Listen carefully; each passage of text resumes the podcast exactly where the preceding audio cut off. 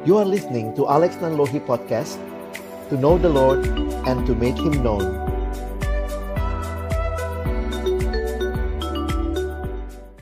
Halo, selamat sore Kak Eta. Selamat sore teman-teman semua.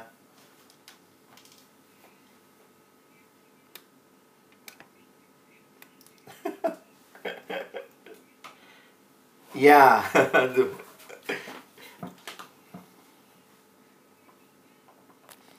Iya, jadi saya pelayanan penuh waktu secara khusus di lembaga perkantas itu adalah persekutuan Kristen antar universitas.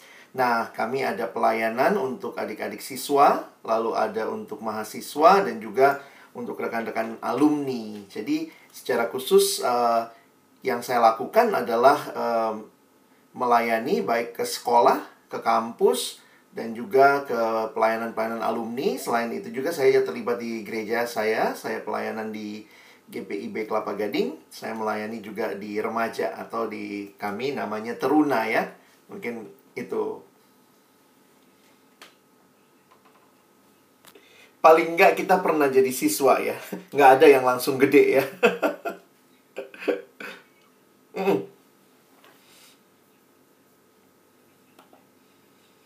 Baik, terima kasih. Saya bersyukur buat kesempatan sore ini. Senang bisa ini namanya berzumpa ya karena lewat Zoom dengan teman-teman sekalian. Saya panggil aja teman-teman.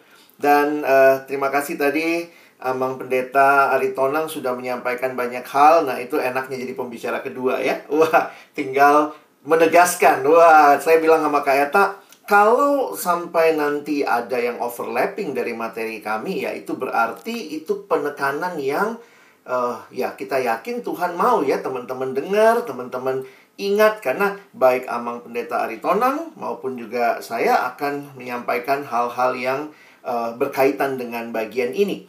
Jadi sesuai dengan tema kita ya, sesuai waktu kita bicara hasian ini harus seperti apa aku mencinta, how to love ya. Nah, memang menarik sekali bahwa bicara tentang cinta itu bahasa yang sudah sering kita dengar love you, I love you. Dan waktu bicara love, diterjemahkan kasih, diterjemahkan cinta, sayang begitu ya. Bahkan yang menarik teman-teman, kalau kalian perhatikan semua bahasa di dunia ya, kalau boleh pakai istilah semua bahasa di dunia itu punya kata tentang cinta, punya kata tentang kasih. Coba kalian perhatikan uh, Kak Alex ya, uh, lihat nggak ini lambang apa yang saya buat?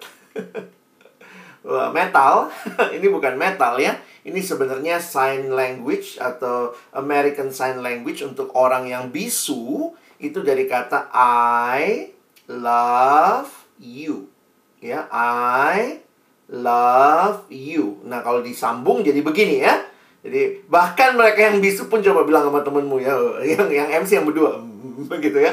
Nah itu bicara tentang I love you, itu pun menjadi bahasa yang di, disampaikan begitu ya. Jadi kasih itu bahasa yang universal. Teman-teman kalau kalian perhatikan katanya 90% lagu di dunia ini bicara tentang kasih. Bicara tentang cinta. Tapi memang menarik bahwa bukan hanya cinta kepada pasangan, lawan jenis ya. Tetapi ini juga cinta kan? Tadi Amang Pendeta sudah sampaikan juga kasih orang tua ke anak. Ini juga adalah cinta. Aduh, lu tuna gitu ya. Uh, hewan begitu. Bahkan kepada bangsa kita, tanah air kita itu kan juga cinta ya. Bahkan dalam persahabatan tadi Amang sudah jelaskan dengan uh, lugas kepada kita ada kasih persaudaraan filia begitu ya. Nah, tetapi memang kasih sayang ini luar biasa banyak yang mengkaitkan hanya spesifik kepada pasangan ya. Sampai ada yang namanya hari kasih sayang. Wah, Valentine Day. Sampai-sampai mereka berdua ini pun gak mau ketinggalan ya. nah, teman-teman, kenapa ini jadi menarik untuk kita bahas? Karena memang masa muda adalah masa di mana banyak gejolak cinta. Wis. Dan poinnya begini ya. Um, kalau saya memang biasa dipanggil ke Alex, Bang Alex gitu ya, karena saya pelayanan ke sekolah-sekolah. Jadi silakan kalau teman-teman mau manggil kakak, abang, terserah. Nah, poinnya begini. Uh, Kak Alex ngelihat gini teman-teman ya. bahwa realita dunia yang bicara tentang kasih, tetapi dunia kenal nggak kasih itu? Wah itu yang sedih. Kalau mau belajar tentang kasih, dari mana dunia pelajari itu? Nah, saya melihat apa yang tadi disampaikan, saya coba tegaskan lagi yang tadi Amang Aritonang sudah sampaikan dengan bagian firman Tuhan yang lain. Tadi Amang mengangkat 1 Korintus 13, saya angkat 1 Yohanes 4 ayat 9 dan 10. Perhatikan ayat ini ya. Dalam hal inilah kasih Allah dinyatakan di tengah-tengah kita, yaitu bahwa Allah telah mengutus anaknya yang tunggal ke dalam dunia supaya kita hidup olehnya. Inilah kasih itu, bukan kita yang telah mengasihi Allah, tetapi Allah yang telah mengasihi kita dan yang telah mengutus anaknya sebagai pendamaian bagi dosa-dosa kita. Jadi sebenarnya kalau kita perhatikan ayat-ayat ini secara khusus lihat ayat 10 ya, bukan kita yang telah mengasihi Allah, tapi Allah yang telah mengasihi kita, maka kita memahami bahwa Allah adalah kasih, Dia adalah Allah yang kasih adanya, sehingga kita bisa menyimpulkan begini, bahwa kasih itu dimulai dari Allah. Itu yang kita baca di 1 Yohanes 4 ayat 10. Dan nanti kalau teman-teman teruskan ayat 16, bahkan dikatakan Allah adalah kasih. Allah adalah kasih. God is love. Nah, ini yang menarik. Kalau teman-teman dan saya mau belajar tentang kasih, bukan belajar dari drama Korea, bukan belajar dari lagu-lagu cinta, tapi pelajarilah dari Allah yang adalah kasih itu sendiri. Nah, yang menarik adalah begini ya. Waktu uh, Kak Alex coba perhatikan gitu, ketika Alkitab berbicara kasih. Nah, saya lebih spesifik lagi secara khusus dalam tulisan-tulisan Rasul Yohanes, setiap kali menjelaskan tentang kasih, ya kayak kalau kita baca tulisan Rasul Yohanes itu banyak ya dia bicara tentang kasih. Tapi yang menarik begini setiap kali dia bicara tentang kasih dia tidak berusaha mendefinisikan kasih. Tetapi yang dilakukan oleh Rasul Yohanes setiap kali berbicara kasih adalah dia menunjuk kepada sebuah perbuatan tindakan kasih. Yaitu apa? Bahwa Allah memberikan anaknya. Jadi mungkin kita berharap, kasih dong definisinya. Kasih adalah sebuah perasaan atau apa. Tetapi nggak begitu. Coba kita buktikan sama-sama ya. Lihat di 1 Yohanes 4. Ketika ayat 9. Dalam hal inilah kasih Allah dinyatakan. Jadi dia tidak mendefinisikan kasih. Tetapi dia menunjuk kepada sebuah perbuatan. Yaitu apa? Inilah kasih Allah, yaitu bahwa Allah telah mengutus anaknya yang tunggal. Menarik ya? Dan ayat 10, inilah kasih itu. Harusnya kan titik dua. Wah, penjelasannya. Tapi lihat yang dia tulis. Bukan kita yang mengasihi Allah, tapi Allah yang telah mengasihi kita dan yang telah mengutus anaknya. Jadi setiap kali, hampir setiap kali dalam tulisan Rasul Yohanes, waktu berbicara kasih, dia tidak sedang mendefinisikan kasih, tetapi dia menunjuk kepada sebuah tindakan luar biasa, yaitu Allah memberikan anaknya. Masih ingat ayat terkenal kita? Yohanes 3. Wah, Yohanes 3 ayat 16. Coba perhatikan juga. Karena begitu besar kasih Allah akan dunia ini. Apakah ada definisi di belakangnya? Bukan definisi, tapi rujukan. Sehingga ia telah mengaruniakan anaknya yang tunggal. Dia mengaruniakan anaknya yang tunggal. That is love yang dinyatakan kepada kita. Karena itu saya mengutip kalimat dari pendeta almarhum Billy Graham. Dia mengatakan begini. Allah membuktikan kasihnya pada kayu salib. Ketika Kristus digantung berdarah dan mati, itulah saatnya Allah berkata kepada dunia aku mencintaimu. Teman-teman, ini satu hal yang luar biasa. Kenapa ya? Setiap kali bicara seminar atau webinar seperti ini ya, LDS, Love, Dating, Sex. Pasti love-nya harus dibahas. Karena itu saya ingin menegaskan bahwa Alkitab berbicara kasih sebagai satu tindakan Allah. Karena itu saya setuju dengan kutipan berikut dari pendeta almarhum Billy uh, John Stott ya. Nah, ini kalimatnya susah diterjemahin karena ada permainan kata di sini ya. If we are looking for a definition of love, we should look not in a dictionary, but at Calvary. Wah, kalau mau tahu tentang kasih bukan buka kamus, tapi lihat Bukit Calvary. Lihat siapa yang tersalib di sana.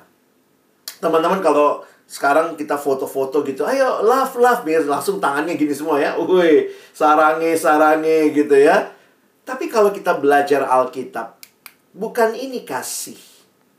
Bukan sarang-sarang itu ya, sarang tawon, sarang semut begitu ya But Alkitab bicara, this is love. Allah mengaruniakan anaknya yang tunggal.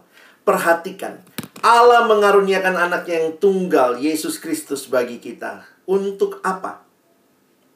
Saya makin belajar kasih. Nah, lihat ya. Perhatikan ayat 9 tadi. Supaya kita hidup olehnya. Di dalam dosa manusia mati, tapi Kristus gantikan kita kita hidup di dalam dia. Dan perhatikan ayat 10. Sebagai pendamaian bagi dosa-dosa kita. Kita adalah manusia dalam dosa seteru Allah. Tapi diperdamaikan dengan Allah. Nah ini poin yang menarik. Bahwa apa yang terjadi di kayu salib itu. Allah menyatakan kasihnya. Dan itu satu realita yang luar biasa. Karena tidak ada yang Allah ambil dari kita. Tetapi apa yang dia berikan bagi kita. Perhatikan kalimat saya. Makanya bahasa Indonesia katanya di dalam pemahaman bahasa ya di bahasa Indonesia itu katanya paling gampang menjelaskan kasih.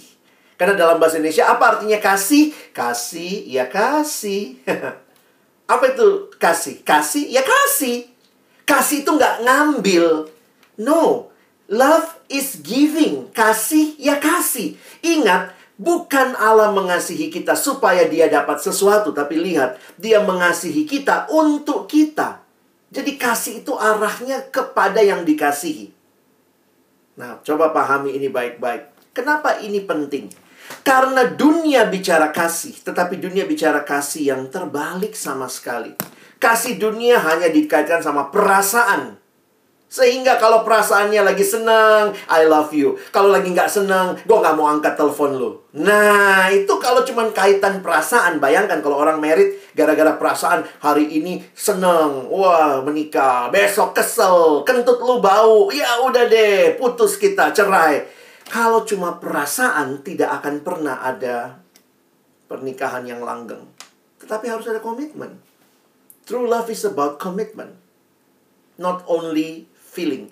Ada bagiannya feeling ada, tapi tidak selamanya. Feeling bukan segala-galanya. Kasih yang dunia itu sangat egois.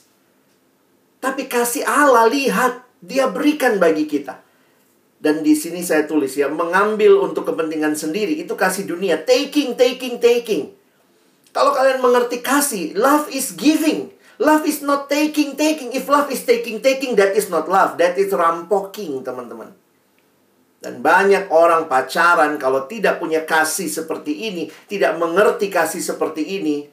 Lihat ya, tadi Amang Pendeta sudah jelaskan, sekarang Kak Alex jelaskan lagi, tegaskan lagi bahwa kasih itu mendasari relasi kita termasuk relasi dengan pasangan kita, dengan lawan jenis. Kasih memang dunia ini terbatas sekali, tetapi kasih Allah tidak terbatas. Nah, Tuhan panggil kita mengasihi dengan kasih Allah, termasuk untuk pasangan kita. Memang tidak ada dari kita yang sempurna mengasihi, tetapi bukan berarti kita tidak punya standar untuk mengasihi. Karena Allah telah mengaruniakan anaknya. If you want to learn about love, look on the cross at Calvary. Maka teman-teman dari sinilah saya coba ambil beberapa aplikasinya ya. Bayangkan kalau orang tidak ngerti kasih seperti ini, lalu dia mulai pacaran, maka apa yang terjadi dalam pacaran? Saling merampok. I love you supaya saya dapat sesuatu. Lihat, Yesus love us not for himself but for us. Untuk kita, bukan untuk dirinya. Makanya satu waktu saya datang ke satu retret SMP ya. Unik juga, anak SMP itu ceweknya udah mulai puber ya. Badannya udah mulai kebentuk, mulai pakai kutang. Cowoknya kecil-kecil, anak SMP kelas 1 masih lari-lari ya, celana pendek gitu. Nah, dalam retret itu kemudian anak-anak ada yang datang biasa ketemu pembicara, mereka ngobrol di meja makan. Waktu saya ingat banget itu di Bandung ya waktu itu. Terus cowok-cowok itu bilang, Kak Alex kamarnya di mana? Oh saya bilang, oh saya kamar pembicara. Gede ya kamarnya? Iya gede. Kak Alex boleh nggak kita main-main ke kamar nanti? Hah? Mau main ke kamar saya habis makan siang gitu ya? Ya, mau ngapain kalian? Uh, kami mau smackdown kak. Wah ternyata mereka tuh mau smackdown karena kamar pembicara agak luas gitu ya. Jadi bener tuh. Saya bilang udah datang aja ke kamar nanti. Pas jam 2 siang, habis makan siang jam 2 ada yang datang ke kamar saya tiga anak cowok satu SMP. Wah mereka bener masuk ke kamar ngobrol-ngobrol terus ada yang mulai smackdown berdua begitu ya. Lalu kemudian ada satu anak yang ngobrol sama Kak Alex. Lalu dia bilang gini, dia tanya ya, Kak Alex, boleh nggak kita pacaran? Wih, satu SMP, boleh nggak kita pacaran? Saya perhatiin dari atas sampai bawah gitu ya. Eh gila, celana lu aja nggak sampai bawah gitu ya. Terus kemudian saya tanya, ya nah kita kan kalau membimbing remaja sebaiknya jangan langsung bilang boleh nggak boleh ya. Ajar remaja berpikir. Maka saya tanya, apa tujuannya pacaran? Wih, anak itu dengan sangat lugas. Kalau kita pacaran kan, Kak, itu menambah semangat belajar. Heh, kalau cuma sekadar menambah semangat belajar, tujuan itu yang kamu mau, solusinya bukan pacaran, ya minum cerebrofit. Itu menambah semangat belajar gitu ya. Jadi di sinilah kelihatan ya betapa terbatasnya kasih kita. Coba bayangkan, tadi Amang Pendeta udah kasih contoh juga. Coba bayangkan kalau anakmu, kamu punya anak ya. Lalu kemudian ada yang datang. E, Amang, Inang, pinjam anaknya ya, saya pacarin ya. Ngapain? Supaya semangat belajar saya bertambah itu ngerampok saya supaya semangat saya bertambah. Jadi teman-teman saya cuma mau ngasih tahu bahwa kalau cuma sekadar nambah semangat belajar, kenapa pacaran solusinya? Mendengar saya ngomong begitu, yang smackdown berhenti, ikut diskusi, nimbrung. Dan kemudian waktu itu saya ingat langsung anak yang smackdown itu, satu anak terus dia nunjuk saya, dasar kakak nggak ngerti anak muda. Wih, saya bilang coba deh kalau kamu apa tujuannya pacaran? Ih, kak, kalau kita pacaran kan kita punya teman, kita nggak nggak mau ke mana, mau ke mall, kita tinggal telepon, kita mau ke mana, jadi ya kita kan nggak nggak kesepian, ada temen. Saya bilang, hey, kalau cuma sekadar tidak kesepian, pelihara anjing. Kenapa mesti pacar gitu ya? Jadi banyak juga orang ternyata pacaran jadi maaf ya kayak anjingnya pacarnya gitu ya uh, aku mau ke sini dong anterin gitu ya jadi memang benar ya kenapa akhirnya cintanya anak remaja, anak muda sering kali kalau tidak dibingkai dengan benar itu dibilang cinta monyet. Pernah lihat monyet? Nggak usah tunjuk temennya ya, pernah lihat monyet ya. nah, monyet itu sukanya makan apa? Oh, makan pisang atau kacang. Jadi sederhananya gini ya, mungkin kalau kamu lagi pegang pisang atau kacang terus ada monyet di sekitarmu wah dia mungkin akan seneng tuh. Dia datengin kamu. Kalau ada maunya aja monyetnya deket-deket gitu ya. Nah begitu teman-teman kasih pisang kasih kacang apa yang monyet lakukan? Pergi dia Itulah monyet ya. Mungkin kamu bilang, monyet please stay with me. Have lunch together. Yuk makan siang bareng. Tapi begitu dia dapat yang dia mau, dia pergi. Kenapa Tuhan menyatakan dirinya adalah kasih? Kenapa Tuhan minta kita mengasihi seperti dirinya? Karena itulah standar kasih yang sebenarnya Tuhan mau. Ketika engkau mengasihi bukan pertama dan terutama untuk dirimu, tetapi bagi yang dikasihi. Love is giving. Kasih ya kasih. Secara indah tadi Amang Pendeta sudah membungkus ini dengan pengertiannya. Jangan cuma romantic love. Oh, aku akan ambilkan kau bulan. Nanti kita pergi ke ujung bumi. Kalau hanya romantic love tidak berkembang jadi realistic love. Nah, ini realistic love. Kasih yang memberi, kasih yang tetap ada waktu pasangan kita menderita. Makanya waktu janji pernikahan, apa janji pernikahan? Itu mesti masuk ke realistic love. Bukan cuma romantic love ya. Di altar pernikahan kan yang laki-laki akan ngomong, "Aku akan mengasihimu dalam suka dan dan senang." gitu. Enggak kan? Dalam suka dan duka. Wih, ngomong begitu nggak gampang teman-teman ya. Karena mau ngomong apa? Bagi kamu, bagi kamu, untuk bukan bagi aku. Aku akan menemanimu. Aku mengambilmu menjadi pasanganku. Makanya teman-teman, kita perlu bertumbuh dalam kasih. Itulah yang tadi diingatkan oleh Amang Pendeta buat kita ya. Bertumbuhlah.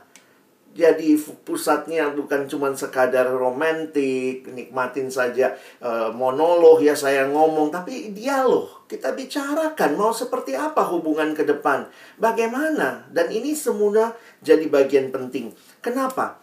kalau berpacaran secara Kristen tidak punya dasar kasih, nah itu yang terjadi. Ngerampok lah, grepe-grepe lah, anak orang digrepe gitu ya. Yang penting saya puas, bodoh amat dia gitu ya. Asal yang sepenting saya puas, kan ya saya yang pingin sesuatu. Tetapi kalau saya mengerti kasih Allah, saya akan jaga pasangan saya. Nah itu tuh. Ada pengendalian diri di situ, ada kekudusan di situ ya. Nah, bagaimana berpacaran secara Kristen? Nah, ini sering kali ditanya ya. Tadi sudah beberapa hal dibukakan juga ya. Sebenarnya yang menarik di Alkitab ya, lihat Alkitab kita ada ayat seperti ini. Amsal 30 ayat 18 dan 19. Ada tiga hal yang mengherankan aku. Bahkan ada empat hal yang tidak ku mengerti. Jalan Raja Wali di udara, karena nggak ada GPS-nya itu ya Raja Wali ya nggak ada yang bisa nerka dia mau ke mana. Jalan ular di atas cadas jalan kapal di tengah-tengah laut dan jalan seorang laki-laki dengan seorang gadis. Teman-teman maksudnya apa? Memang cinta tuh nggak ada teorinya ya. Kadang-kadang kita bilang gile cantik banget ceweknya cowoknya. Ya ampun misalnya gitu ya. Kadang-kadang nggak ada teorinya ya yang cantik pasti sama yang cakep. Nggak juga kadang-kadang nggak ada teorinya yang miskin sama yang kaya gitu ya yang tua sama yang muda. Ya memang nggak ada teorinya, tapi bukan berarti nggak ada prinsip. Nah, semua prinsip tadi sudah dikasih oleh Amang buat teman-teman ya. Makanya kalau lihat dalam terjemahan bahasa Indonesia sehari-hari, BIS, dikatakan gitu ya. Ada empat hal yang terlalu sukar bagi untuk dimengerti. Burung Raja Wali yang terbang di udara. Ular yang menjalar di atas batu karang. Kapal yang berlayar di tengah lautan. Dan sepasang muda-mudi yang sedang jatuh cinta. Nah memang tadi itu ya, saya sangat setuju. Bingkai pacaranmu dengan tujuan yang jelas. Bayangkan kalau pacaran gak ada tujuan. Ya. Trennya kan sekarang begitu. Apa itu pacaran? Eh, semua orang kan pacaran, Kak.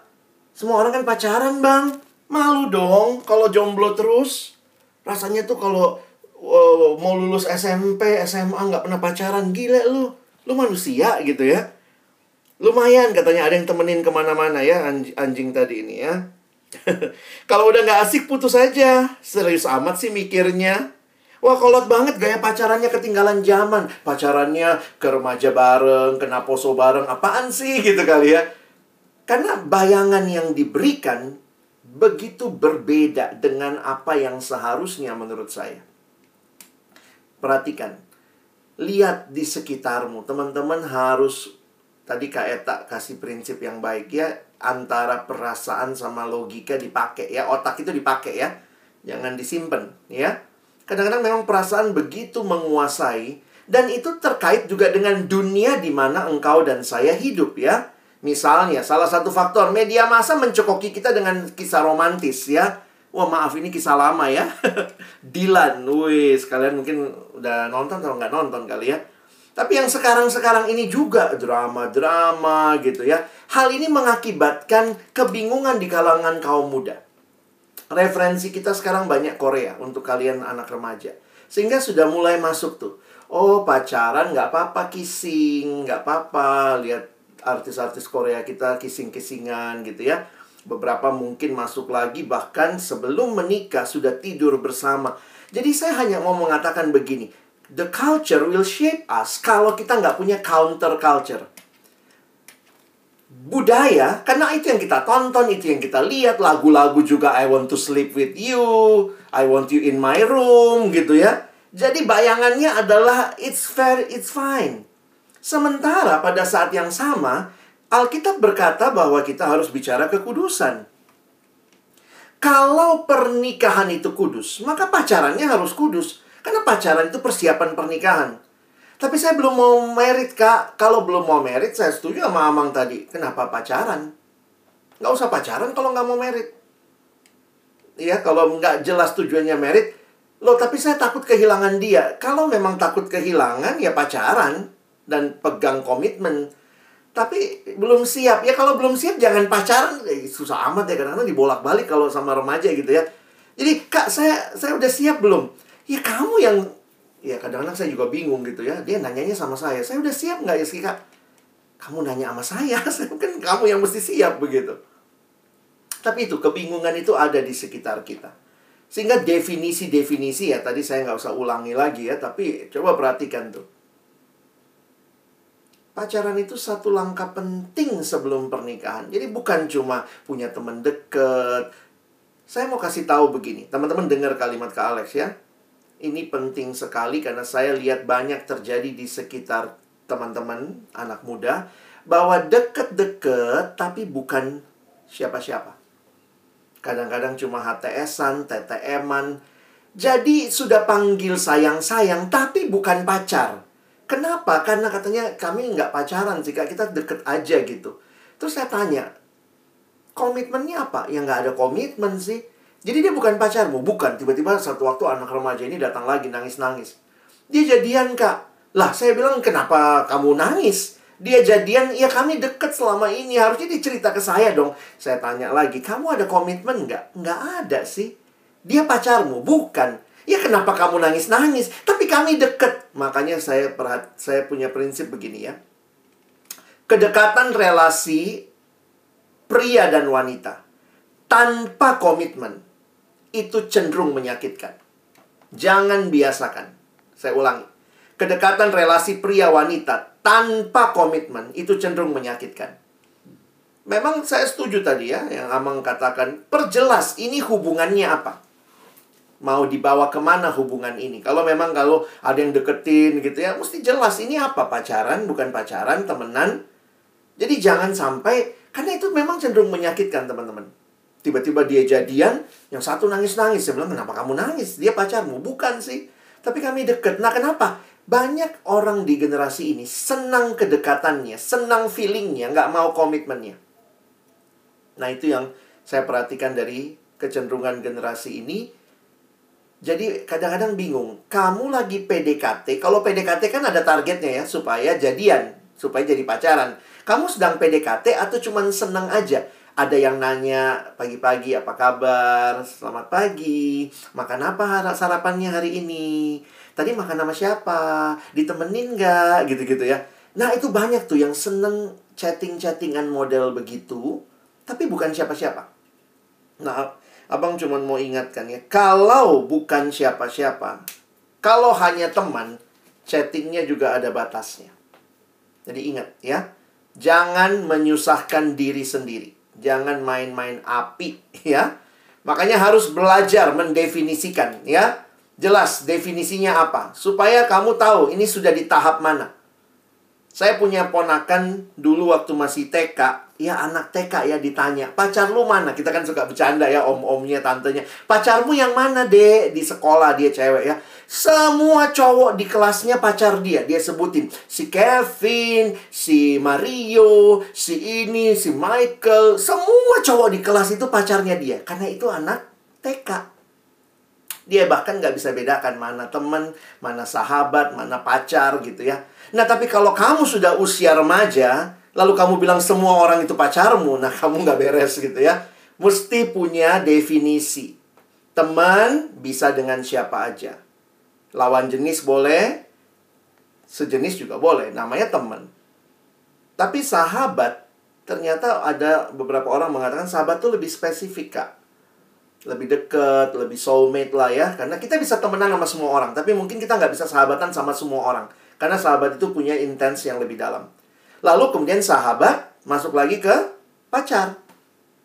Kalau pacar, bedanya sama sahabat apa? Ayo, bedanya apa? Sahabat sama pacar. Jelas dong, kalau pacar harus lawan jenis ya. sahabat boleh sejenis. Dan ada komitmen. Mungkin ada yang punya komitmen persahabatan, tapi pacaran ada komitmen bahwa kamu pacarku, aku pacarmu, nggak boleh buka cabang di mana-mana. Jangan di sekolah, di tiap kelas dia punya pacar gitu ya, buka cabang, nggak bisa begitu. Nah, apa bedanya pacaran sama tunangan? Ada yang waktu saya tanya, apa bedanya pacaran sama tunangan? Lebih mahal kak tunangan. Iya sih. acaranya lebih mahal. Tapi sebenarnya tunangan itu sudah diketahui oleh kedua belah pihak keluarga besar dan juga umum. Pacaran kadang-kadang hanya komitmen berdua, keluarganya pun cuman yang tahu papa mamamu sama papa mama dia. Tapi kalau udah tunangan kan berarti sudah ada keluarga besar ya, om tantenya tahu, keluarga besarnya tahu. Dan apa bedanya tunangan sama pernikahan? Pernikahan lebih mahal, Kak. Iya benar juga sih ya. nah, tapi poinnya adalah tunangan persiapan pernikahan. Nah, sebenarnya di dalam tunangan pun ada kemungkinan putus bisa juga. Saya ketemu beberapa orang kasusnya begitu. Tapi pernikahan tidak boleh diceraikan. Nah, itu sebenarnya konsep-konsep yang kita bahas di dalam kekristenan sehingga kalau teman-teman perhatikan ya, itu model piramida kebalik. Berteman tuh banyak, sahabat makin dikit, pacar cuma satu. Jangan pacar juga banyak ya, malah kebalik. Pacar tuh piramidanya yang atas enggak ya? Tunangan dan pernikahan satu. Jadi sebenarnya kita harus punya konsep mulai dari akhir. Mulai dari akhir, apa tujuannya? Mau ngapain? Kalau cuman mau deket dan bisa kenal, sahabatan, kenapa mesti dipacarin? Tapi saya takut kan nanti dia diambil orang. Ya sudah, berarti kamu siap pacaran. Tapi kadang-kadang juga nggak siap juga sih kak. Nah, kamu maunya apa? Anak remaja kadang gitu ya. Dia bahkan nggak tahu dia maunya apa, tapi pengen deket gitu. Ya, nah karena itu abang selalu ingatkan, coba mari bertumbuh dalam kasih. Bingkailah perasaanmu di dalam komitmen-komitmen yang jelas.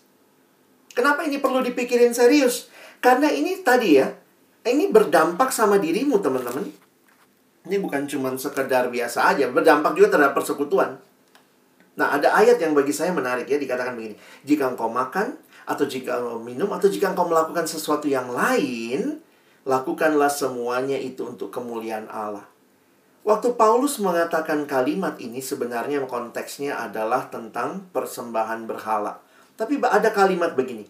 Atau jika engkau melakukan sesuatu yang lain. Kadang-kadang Kak Alex pikir gini ya. Ini kayak receh banget. Coba lihat ayatnya kayak receh banget ya makan untuk kemuliaan Tuhan, minum untuk kemuliaan Tuhan. Gile, itu receh banget kata anak sekarang. Maka kalau makan saja untuk kemuliaan Tuhan, minum saja untuk kemuliaan Tuhan, masa pacaran untuk kesenangan diri dan mempermalukan Tuhan? Bisa paham poinnya? Jangan main-main. Grepe-grepe, sekadar pemuasan hawa nafsu. Teman-teman, pacaran pun harus dibingkai untuk kemuliaan Allah. Karena itu kalau prinsipnya ya. Tadi Amang juga sudah kasih beberapa prinsip, saya coba tambahkan ya. Yang memuliakan Tuhan, lalu kemudian di dalam kasih, sudah dibahas tadi 1 Korintus 13, dan di dalam kekudusan. Sekali lagi, kalau tujuan pacaran adalah pernikahan, dan pernikahan itu kudus, maka pacarannya kudus. Tapi bayangkan kalau tidak ada tujuan, ngapain pacaran? Ya udahlah, eh, grepe-grepe aja, nggak apa-apa kan, nggak sampai merit ini, nggak bakal gue meritin juga. Maka akhirnya kita jadi bermain-main dengan ketidakkudusan. Sementara kalau kita sungguh-sungguh serius di dalam kasih, di dalam kekudusan, maka apa yang terjadi? Kita akan lihat pasangan kita. Kita akan katakan, "Saya akan jaga kamu kudus sampai altar pernikahan." Itulah sesuatu yang jelas ya. Jadi prinsipnya memuliakan Tuhan. Ya dulu sih saya naruhnya seiman duluan ya. Tapi belakangan saya balikin ya. Lawan jenis dulu. Pacaran pertama lawan jenis. Karena dulu ada yang gini. Kak kami seiman. Wow udah ngobrol panjang lebar. Tapi saya bilang nggak bisa gitu. Ya bayangkan misalnya kamu Joko. Yang satunya Tono. Mana bisa gitu ya. Jadi akhirnya sekarang saya kalau pacaran tuh pertama prinsipnya. Lawan jenis dulu dah. Baru seiman ya tentunya. Ya itu dua hal yang tidak terpisah tentunya ya. Tapi kemudian uh, Kalex lihat gini ya. Sekarang ini bukan cuma seiman menurut saya ya. Kalian pun harus pastikan orang itu bertumbuh. Saya senang tadi Amang menekankan miliki saat teduh pribadi. Itu tangki rohani kita jangan kamu rajin saat teduh tiap pagi baca Alkitab pasanganmu nggak suka begitu Makanya kalau ada yang nanya gitu ya, Kak, dia dia rajin sih, tapi rajinnya cuma ke gereja aja gitu ya misalnya, tapi nggak serius dengan hidupnya, tidak serius berubahnya. Jadi bukan cuma lihat Kristennya, tapi mari kita pastikan. Makanya waktu pacaran itu kan masa pengenalan ya. Nah, sekarang yang terakhir mungkin dari saya ya. Ya ini yang tadi Kak Eta juga tanya ya. Jadi sebenarnya kapan sih mulai berpacaran? Saya secara pribadi juga tidak bisa mengatakan kapan harus begini, tidak. Ya, tapi saya hanya ingin memberikan pertimbangan. Kalau saya dengan adik-adik remaja, saya lebih banyak ajak kalian mikir ya. Coba mikir, karena kalian udah dewasa kok. Menurut penelitian, otak uh, anak remaja dan otak orang dewasa sama kapasitasnya. Sudah berkembang sama kapasitasnya. Cuma isinya kami lebih banyak pengalaman. Teman-teman kan masih baru ya, makanya itu harus dirangsang nih. Pikirin Pacaran bagusnya berapa lama? Ada yang mau pacaran 10 tahun gitu? Dipacarin terus nggak pernah dikawinin gitu ya. Saya pikir sih pacaran sih jangan kelamaan ya. Nah, ada yang bilang berapa ya? 3 tahun, 4 tahun oke okay, gitu. Nah, kalau begitu ya kira-kira normalnya ya nggak normal juga tapi maksudnya gini, intensitasnya ini pacaran berkualitas ya. Ada juga orang pacaran 4 tahun tapi kualitasnya nggak dalam ya, itu juga nggak begitu. Bayangkan pacaran 4 tahun dengan kualitas yang mendalam, yang Amang tadi bilang ya, kalian kenal, banyak dialog ya, bukan cuma gombal-gombal kalau ketemu ya. Pikirin nanti kalau menikah bagaimana, mamamu ikut siapa, gitu gitu. Itu kan percakapan-percakapan persiapan ya. Nah, maka mau menikah umur berapa?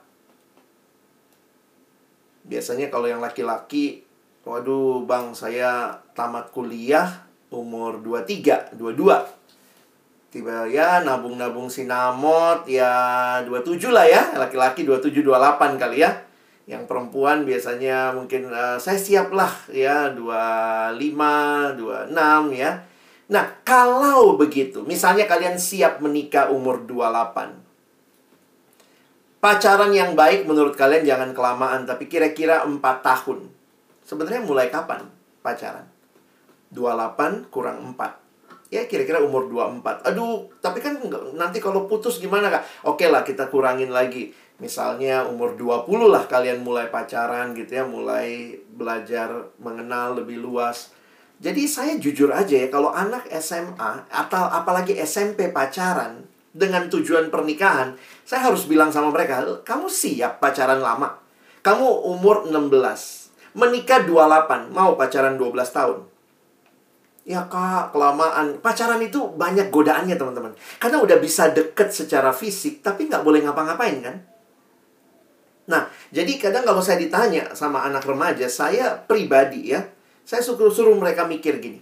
Makanya dari kesimpulan saya, saya tidak terlalu mendorong SMA pacaran. Tapi saya mungkin mendorong kalau kuliah silahkan lah. Tapi kalau udah kejadian kak, kami udah pacaran nih SMA, ya nggak apa-apa juga. Tapi saya kembali ingatkan, coba tanya ulang tujuan pacaran kalian jelas nggak? Selama ini pacaran jatuh dalam dosa nggak? Atau main-main dengan ketidakkudusan? Kalau jatuh dalam dosa gimana kak? Bereskan. Cari pembimbing rohani, cari pendeta, hamba Tuhan. Nah, nanti kalian ditolong. Kalau ternyata jatuh lagi, jatuh lagi, mungkin putus dulu. Tunggu sampai kalian lebih siap, baru nyambung lagi gitu. Itu itu banyak lah tahapannya ya. Tapi kemudian akhirnya kita jadi sadar. Bedakan akibat dan tujuan. Saya dapat teman karena punya pacar, saya tidak kesepian. Itu akibat, bukan tujuan. Jangan jadikan itu tujuan pacaran.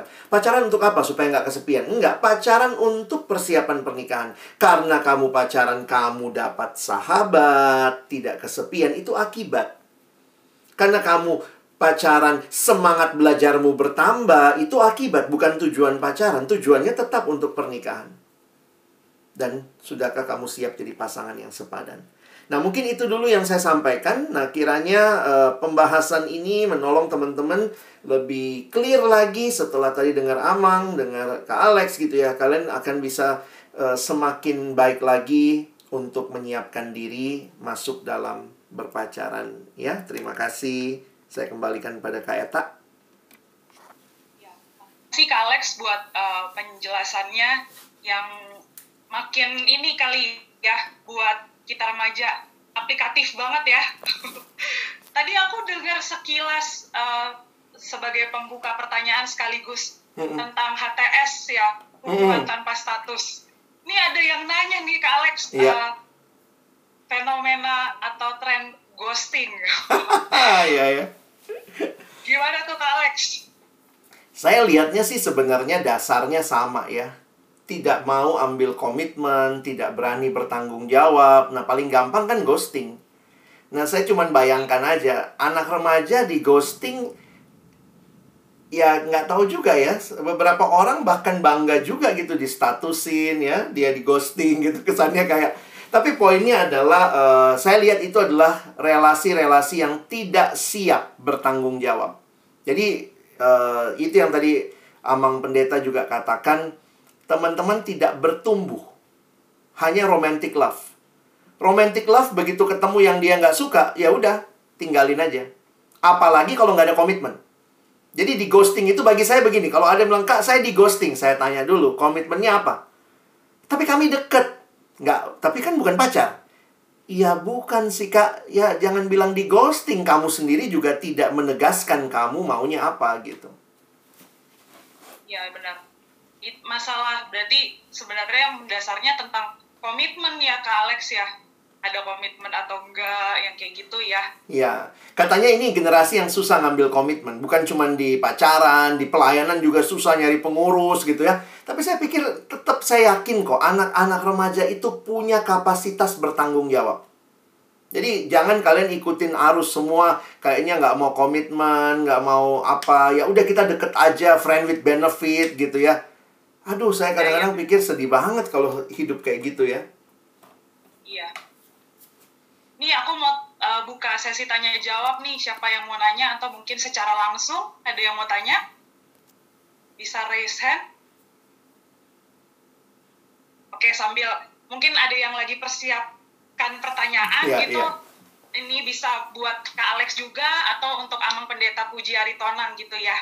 Kalau ada yang mau tanya untuk dua-duanya bahkan mungkin boleh dibuka sesi tanya jawabnya.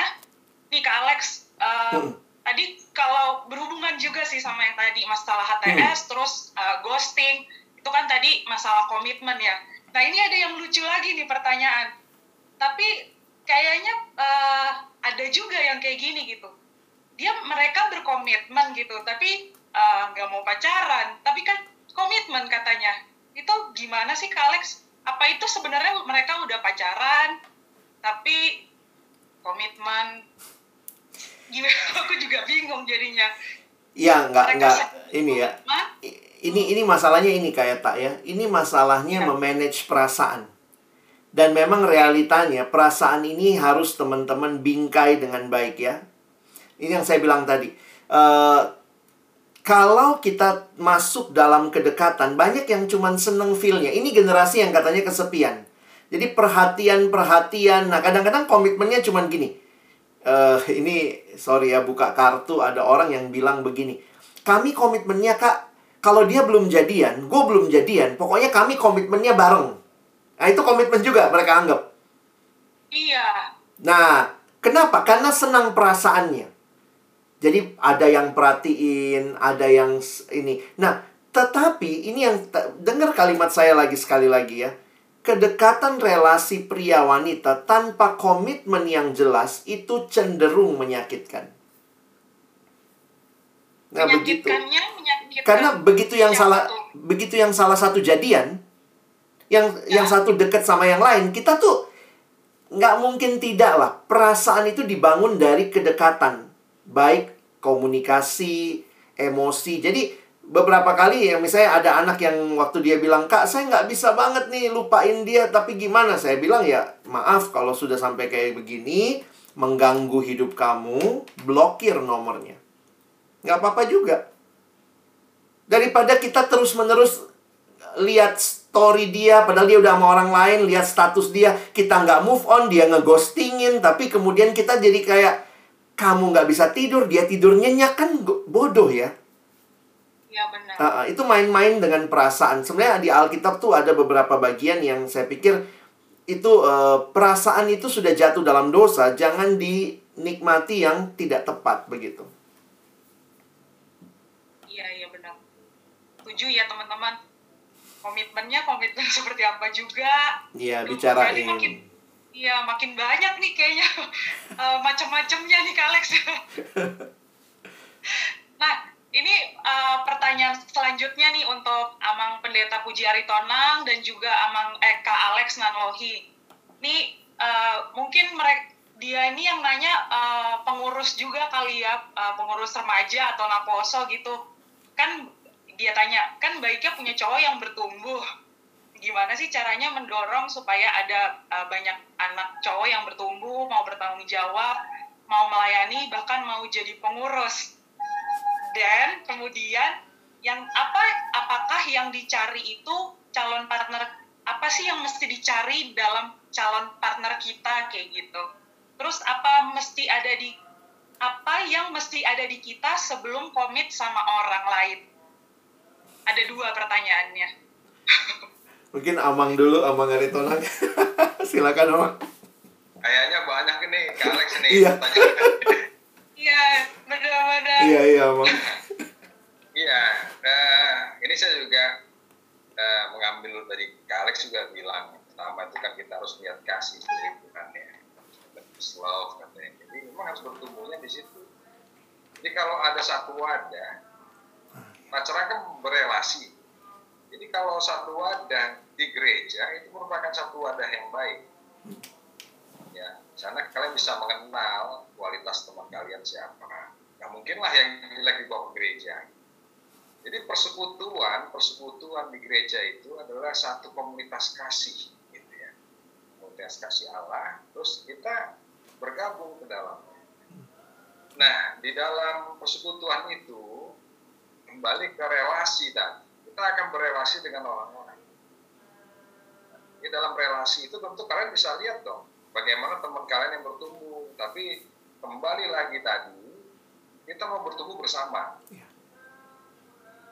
Jadi ada komitmen, tadi berulang kali saya dengar ke Alex tentang komitmen. Komitmen itu apa? Cinta itu datangnya dari Allah. Itu yang pertama dulu. Saya nggak melarang, karena ada banyak kasus banyak di gereja justru mereka komitmen dalam pelayanan, mereka semakin dalam uh, menemukan kasih Allah di situ dan di situ ketemu jodoh. Hmm. Tapi ada juga nih Kak Alex beberapa kasus juga karena mereka nggak punya komitmen artinya dia masuk dalam satu komunitas kasih ya pelayanan hmm. gitu. Uh, jadi dia duluan kasih kepada pada seseorang, baru dia masuk ke ini, baru masuk ke persekutuan. Akhirnya ketika putus, mereka yeah. dia nggak pernah mau datang lagi ke gereja. Ah, nah itu iya. yang jadi letakkan di atas. Jadi kalau untuk bertumbuh, hmm. ya tentu sekali tadi ya sudah katakan juga tentu uh, tadi Kales menekankan ini yang lawan jenis yang seiman yang beriman itu nggak boleh dipisahkan. Terus dia dia sahabat kamu, apakah dia akan menjadi pacar tahap selanjutnya tadi sudah diterangkan. Itu proses pertumbuhannya di situ. Nah di situ kalau kalau kamu melihat teman apa, kan kita bisa melihat karena tidak semua dipacarin. Tadi kalau anak TK tadi ya dibilang, karena dia eh, jenjangnya ada gitu. Kalau tadi keponakannya uh, Alex, Alex ya dia tahunya begitu semua. Karena anak-anak seperti itu asalnya. Tapi ketika kalian beranjak remaja, sudah dewasa, mengarah ke dewasa begitu ya, kalian punya penilaian sendiri dong. Tumbuhnya di situ. Dan percayalah kalau Tuhan uh, apa namanya mencurahkan kasih kepada kalian itu pasti pikiran kalian, jiwa kalian, perasaan kalian, hati kalian, uh, realistik kalian berpikir itu pasti dipelihara oleh Tuhan. Jadi nggak hanya sebatas hmm. perasaan. Situ komitmen itulah yang akan menguatkan kalian ke yang selanjutnya. Jadi hmm. nilailah kembali lagi pacaran tuh harus ke pernikahan. Kalau nggak ngapain gitu. Hmm. Ngapain. Lihatlah sana akan ditemukan kualitas-kualitas yang baik. Kalau anak-anak Tuhan itu kan pasti dipelihara oleh Tuhan ya. Amin. Di dalam kasih Tuhan itu pasti dia uh, uh, kita yakin dia akan bertumbuhnya di sana, hmm. di dalam imannya, di dalam kasihnya, di dalam berelasinya, relasi dalam persekutuan, baik relasi pribadi ya, interpersonal dia, dengan sesamanya dan intrapersonal dia dengan hmm. Tuhannya yang mengenalkan kasih kepada itu sedikit dari saya ke Alex. Iya. terima kasih Abang. Alex. Alex mungkin kalau sesi apa bagiannya ke Alex pertanyaannya lebih ke ini kali ya yang tadi. Yang apa sih yang mesti ada di dalam diri kita? Tadi kan kalau dari sisi oh. uh, pasangan kriteria orangnya. Nah ini pertanyaannya tadi juga adanya uh, apa yang mesti ada di dalam diri kita gitu ternyata ini dia mau tahu juga persiapan buat dirinya tuh apa sih gitu saya waktu ngobrol sama istri saya uh, dan waktu kami sama-sama bicara dulu ya, uh, saya ingat sekali kalimat dia ya bahwa tuntutan pertama itu bukan kepada pasangan kita tapi pada diri kita. Jadi kalau saya mau dapat orang yang bertumbuh, tanya lagi saya bertumbuh nggak? Saya ingin punya pacar yang perhatian, saya perhatian nggak? Saya punya pacar yang saya pingin pacar yang baik. Kamu baik nggak? Nah, jadi sebenarnya di banyak sisi gitu ya, e, seperti yang kita sudah pelajari tadi begitu. E, saya setuju sama Amang Aritonang tadi yang mengatakan buah roh itu harus kita miliki. Karena buah roh itu kita nggak bisa kontrol. Kamu punya kasih nggak? Kamu punya penguasaan diri nggak? Penguasaan diri itu pada dirimu, bukan pada orang lain. Nah, makanya bersyukurlah kalau kamunya bertumbuh, kamu menguasai diri. Dapat pasangan yang bertumbuh, dia menguasai diri. Di mana tempatnya ya di komunitas ini? Bagi saya ya di sinilah nyarinya kan masa anak Tuhan nyarinya di bios apa di di diskotik ya di sinilah kan sebenarnya ya. Makanya Holy Wings, Holy Wings. Makanya dibuka lah kameranya ya biar kita bisa swipe swipe lihat siapa aja ini ya calon mamanya anak-anak. Tapi itu, jangan menuntut sesuatu dari pasangan, tapi kita sendiri tidak sedang juga menuntut diri kita bertumbuh. Saya pikir itu ini baik, tambahannya. Jadi kalau tadi ditanya kriterianya apa ya, udah apa yang kamu minta dari orang itu ada nggak padamu? Benar, setuju banget ya. Mungkin dari diri kitanya dulu, uh, set kita tuh maunya kayak gimana, terus kita jadi diri yang seperti apa, hmm. kemudian lihat orang lain baru kemudian setelahnya gitu ya ada yang mau tanya secara langsung? Open cam dong, biar kelihatan nih semuanya. Tanyanya dari tadi chat terus, nanti dikira aku yang nanya lagi. Nggak apa-apa ya. Tadi yang Amang Pendeta bilang juga, ini katanya pertanyaannya Kak Margareta ini kayaknya. Ada yang mau tanya? Nih, uh, Kak Alex sebenarnya ini seben, uh, kalau nyimak sih penjelasannya Kak Alex sudah jelas banget ya. Cuman ini ada yang tanya lagi, yeah. ya mungkin ulang sedikit eh, nggak uh, apa-apa yeah. untuk uh, penegasan untuk kita semua gitu.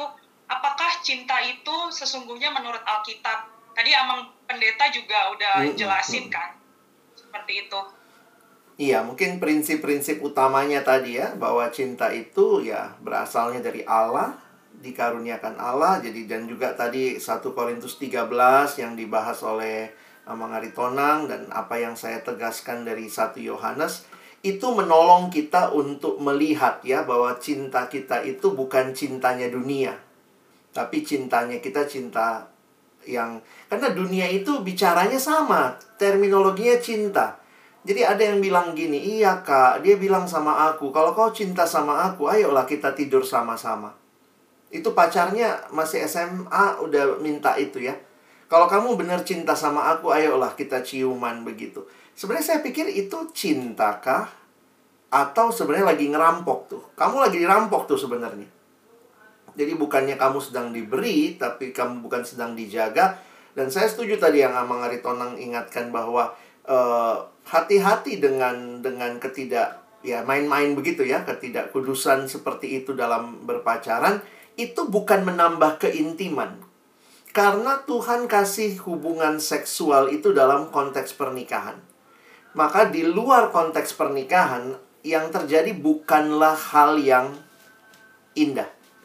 Saya kasih contoh sedikit lah ya, pengalaman juga ada yang datang dan sharing bagaimana dia sama pacarnya katanya sudah jatuh. Kami sudah jauh bang, dia bilang gitu.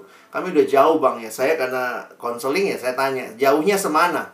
Sampai Bogor gitu ya. Karena mesti jelas, apa yang jauhnya mana? kami sudah ituan. Ituannya apa? Boleh jelaskan? Nah, waktu dia jelaskan, oh dia sudah melakukan hubungan seksual dengan pasangannya. Dan kemudian saya bilang, sekarang apa yang kamu rasakan? Nah, dia cerita nih. Maaf yang cerita ini perempuannya ya. Dia bilang, sekarang saya kena penyakit bang. Ya, ya saya bilangnya penyakit ya. Penyakit curigation. Curiga. Jadi ke mana pun cowoknya pergi, dia kan cowoknya di kampus, dia masih SMA. Dia kirim WA atau kirim itu ya. Lagi apa? Lagi makan di kantin. Sama siapa aja? Sama si ini, si ini, si ini. Berapa ceweknya? Terus kemudian coba foto dulu. Kenapa? Karena saya saya sedihnya gini ya. Jadi cewek ini asumsi di kepalanya apa?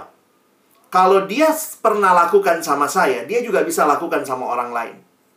Jadi ternyata hubungan seksual sebelum pernikahan dan walaupun ada komitmen pacaran, aku cuman pacarmu, tetapi itu dalam banyak penelitian dan konseling itu mengakibatkan justru kekhawatiran. Jadi jangan berpikir gini, kalau dia aku mengasihinya, maka aku tidur sama dia, dia pasti nggak akan ke mana-mana lagi.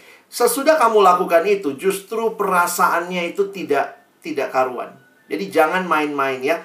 Tuhan sudah kasih ada konteksnya ya. Udahlah, jangan buka kado sebelum ulang tahun ya itu bagian yang harus dibuka pas ulang tahun nanti kira-kira begitulah. Benar-benar. Kalau dari Amang Pendeta Puji Aritona ada yang mau ditambahkan? Cinta tuh apa sih menurut Alkitab sebagai penegasan untuk kita semua? Mana? Cinta tuh apa menurut Alkitab? Wah sebenarnya ini satu apa ya saya rasa sudah cukup banyak tadi dibahas. Kalau mau dicari definisi yang saklek gitu, saya setuju dengan Pak uh, Alex tadi, Kak Alex yang mengatakan, apa cukup mau didefinisikan? Tapi kan itu cinta kalau kembali ke apa agape tadi itu kan yang harus harus mengarah ke sana kita, yang keluar dari diri kita. Ya, kasih kata tadi di, diberi contoh sederhana dengan Kak Alex tadi ya kasih itu apa cinta? Kasih ya kasih. Ya berikanlah yang yang yang terbaik ya. Dan, dan lihat sumbernya dari mana. Karena karena begitu besar kasih Allah kepada dunia ini tadi sudah disinggung di apa dalam ayat kita juga harus seperti itu. Jadi hmm. itulah yang kita menguduskan jadi bukan untuk menyakiti. Cinta itu nggak untuk menyakiti. Cinta itu untuk dirayakan dengan kasih. Dalam cinta kita merayakan kasih Tuhan kepada kita. Jadi bukan bukan perayaan saya dengan dia gitu. Hmm. Kan kadang-kadang kalau ada apa namanya uh, apa ya kalau kalau ultah pacaran apa namanya? Anniversary. Anniversary ya, Mang. Anniversary pacaran kan begitu. Itu dirayakan mereka berdua itu sebenarnya masih uh, menurut saya kurang pas itu ya, Kak Alex. Iya, iya, iya. Itu itu mengarah merayakan kasih Tuhan. Kasih Tuhan, betul. Kasih Tuhan ini harus dijaga terus sampai ke pernikahan gitu. Iya. Benar. jadi cinta itu cukup apa ya dalam sekali hmm. is love tadi dibilang sama Kak Alex ya. Jadi dasarnya dari sana kita merayakan kasih kasih Allah pada. Jadi kalau orang memahami cinta dalam dalam frame itu, hmm. dia nggak akan macam-macam karena Tuhan ada di sana. Iya. Ya kan? Ya. Saya, saya saya pernah ngomong sama dua sejoli, mungkin yang tadi. Ini kali sampai-sampai hampir-hampir smackdown juga. nah, dia bilang ini, lo kamu berdua di sini kan cuma kan cuma kita berdua yang di sini aman katanya. Siapa bilang hmm. berdua? Paling paling bertiga kata dia. Siapa ya? Kalau kami tergoda ada ada si jahat, si ada si polis katanya. Loh kalau cuma kalian bertiga Tuhan di mana? Saya bilang. Hmm gunakan hati-hati gunakan tanganmu, hati-hati gunakan mata sebab Bapa di sorga selalu melihat ke bawah. Jadi yeah, iya. jangan dipikir kata dunia ini milik kita berdua dan apa enggak, enggak tidak hanya setan yang ada di sana begitu. Hmm. Tuhan karena sumbernya dari Dia. Yeah. Jadi kalaupun kejatuhan manusia yang e, di Taman Eden sehingga seks segala sesuatunya cinta itu kan Tuhan tidak pernah menciptakan setan, bahkan tak bebas itu ya. Lucifer juga seperti itu dia diciptakan supaya melakukan yang baik bukan jadi setan sih hmm. nah jadi munculnya itu apa tadi ya, Kak sudah eh, eh, tadi tegas mengatakan itu keinginan dari dari diri kita gitu ya ya bukan sebab yang lain kan. nah itu yang perlu dijaga hmm. jaga hati jadi ya cinta itu kembali lagi mengingatkan kita merayakan kasih Tuhan dalam Oke, ya. makasih ya Om. Tadi aku lihat ada yang resen, Stephanie Valentin. Ada yang mau ditanya? Oh iya, terima kasih Keta. Boleh aku nanya Amang Pendeta dan Kak Alex? Silakan. Silakan. Uh, perkenalkan, saya Stephanie Syahaan. Uh, secara umur aku ya sudah cukup dewasa, cuman ikut ini ya menarik sih mendapatkan tema tentang hasian uh, seputar hubungan pacaran di dalam Kristen. Nah, aku sendiri emang kalau boleh tahu uh, uh, Kristen itu apakah mengenal uh, pacaran gitu. Kalau yang ku pahamin, uh, apakah cuma kita hanya berteman seperti yang tadi bilang, kita berteman, kenalin dulu uh, uh, calon kita atau pacar kita atau akan gebetan kita gitu. Apakah Kristen itu sebenarnya mengenal uh, konteks yang dibilang pacaran atau kita uh, pengenalan lebih jauh dengan konteks ya pacaran kita itu apa sih mengenal hubungan antar lawan jenis kita untuk lebih ke jenjang serius dalam artian kita mengasihi uh, kawan kita ini mempunyai prospek yang lebih baik, maksudnya punya prospek yang beda gitu.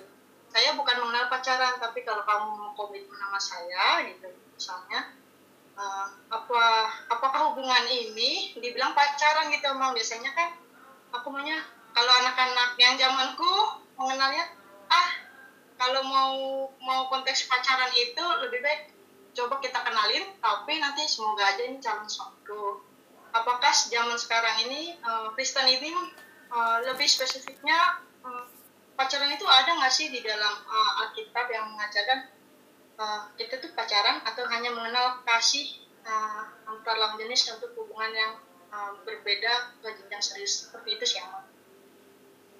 Terima kasih. Terima kasih Stefani pertanyaannya. Ya, gimana Kak Alex dulu? Amang dulu kali ya, saya masih agak berusaha menangkap ini. Jadi sebenarnya kita tuh Kristen uh, kenal gak sih arti uh, oh. pacaran itu gitu ya konsep pacaran? Atau sebenarnya waktu uh, karena pun nggak kenal, apakah komitmen gitu? Eh kita berkomitmen ya untuk kenal lebih jauh. Apakah itu oke? Okay? Atau seperti itu memang sebenarnya seperti itu? Okay. Secara aplikasi gitu kali ya? Ya, jadi ini sebenarnya kalau saya lihat kita banyak bermain di masa di masalah istilah. Istilah. Iya benar. Nah, sekarang pertanyaannya yang yang menyebut orang saling kenal dekat dengan pacar itu siapa istilah? Kan kita tuh yang buat. Iya benar. Nah, ngedate juga kita yang buat kan gitu ya. Jadi yang jelas itu kalau dalam bahasa asli Alkitab itu kan itu dimulai dengan kata kenal dan itu kenal itu sangat dalam sekali ya. Jadi kalau kalau dalam artinya makanya perlu uh, penelusuran lebih dalam, tapi mungkin dalam dalam beberapa uh, apa bisa boleh kita bahas dalam sesi berikutnya ya. Jadi ya, kalau mengenal di sana itu sudah sangat luar dalam. Nah, tadi uh, Kak Alex tadi mengatakan tingkatan-tingkatannya. Kalau sudah mengenal itu dia sudah taraf ketunangan tunangan ke perkawinan. Bahkan ada bahasa khusus yang tidak boleh dipakai dengan kata kenal. Hmm. Misalnya, oh saya sudah kenal perempuan itu. Ada konteks khusus, itu maaf sudah melakukan hubungan yang layaknya suami istri. Kenal. Nah, jadi di sini kita mau pakai mungkin yang hubungannya agak lebih lebih soft lah begitu ya, lebih soft, lebih cair gitu. Mungkin yang di Alkitab bilang itu bagaimana mengenal secara relasi yang lebih baik untuk masa persiapan pernikahan. Oleh karena itu persiapan pernikahan tidak ditentukan oleh berapa lama dia tanda kutip pacaran. Ada orang pacaran lama tapi nggak saling mengenal. Hmm. Ya, karena nggak ada komitmen. Tadi berulang kali Pak Alex nggak komitmen. Jadi ngapain? Tujuannya apa? Mau main-main atau mau gimana?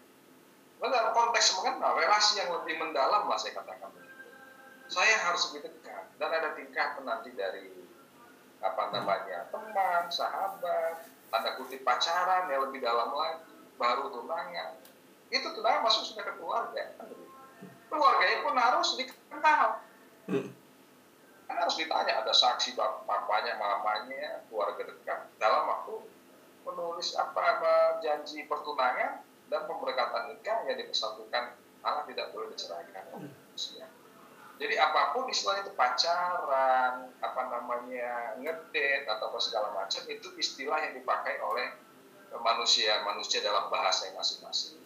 Tapi dalam secara Alkitab ya kita menjalin relasi hubungan pengenalan yang lebih dalam di dalam kasih Tuhan.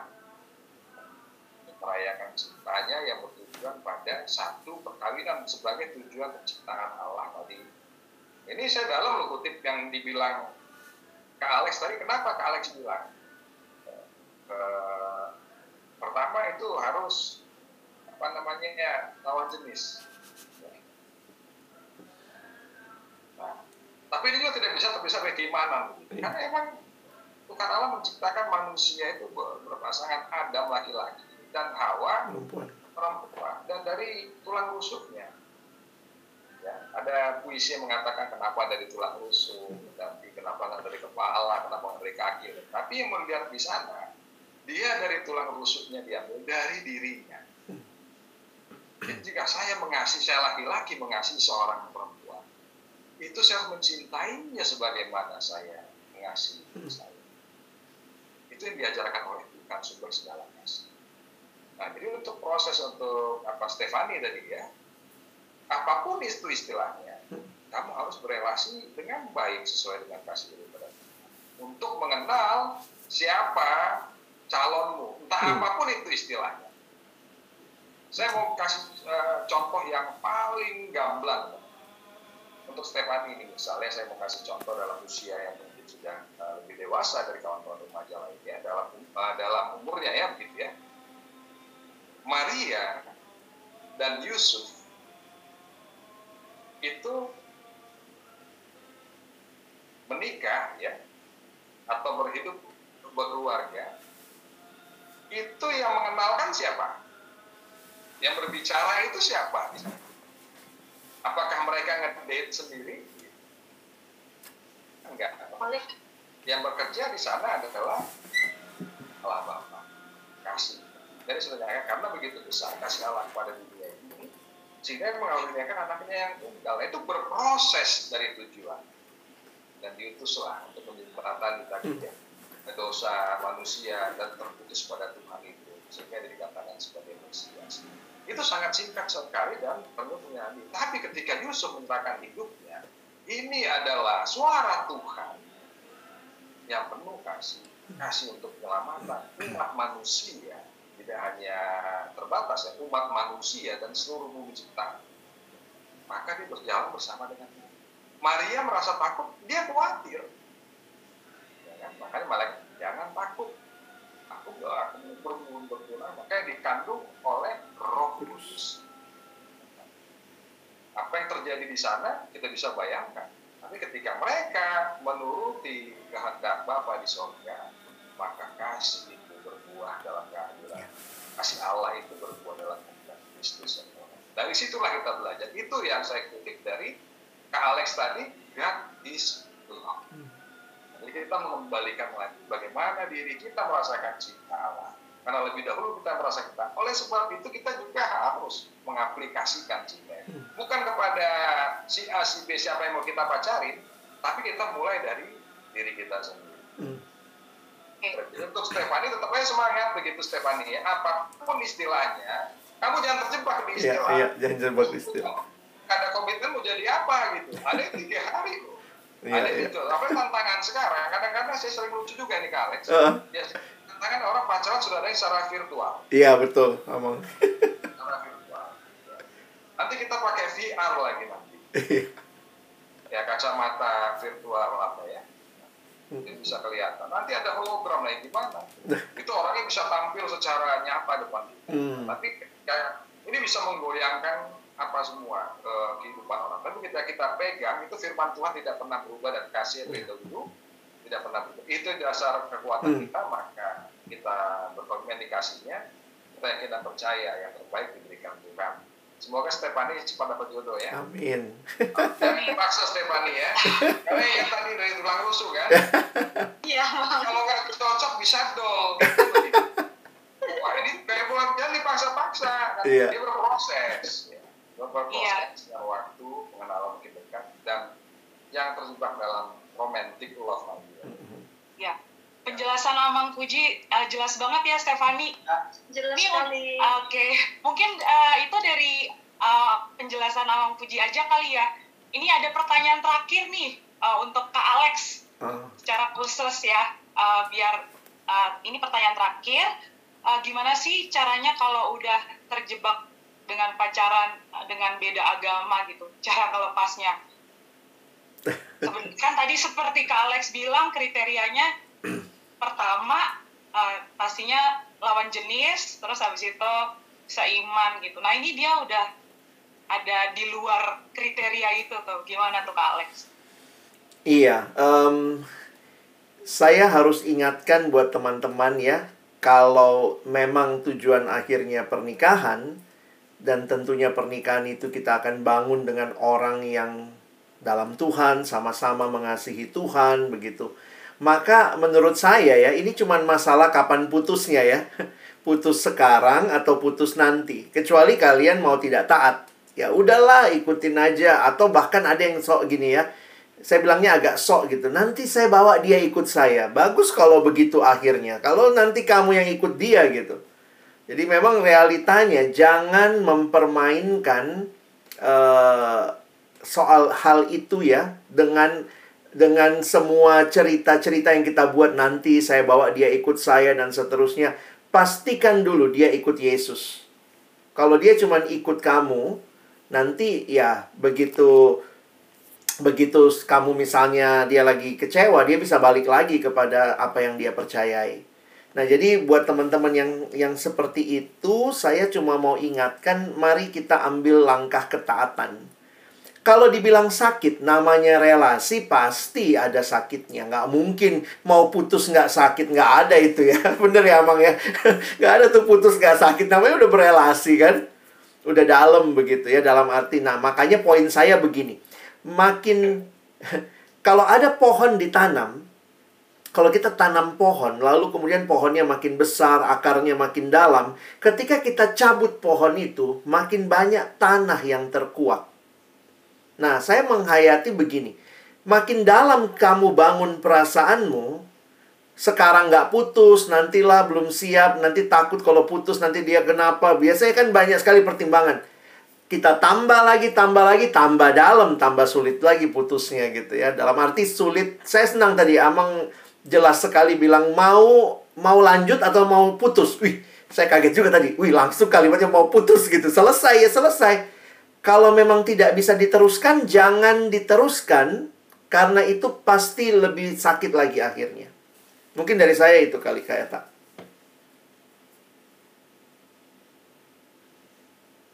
Ada tambahan, Amang, untuk uh, pertanyaan terakhir ini? Ya, saya rasa cukup. Jelas okay. yang ke Alex.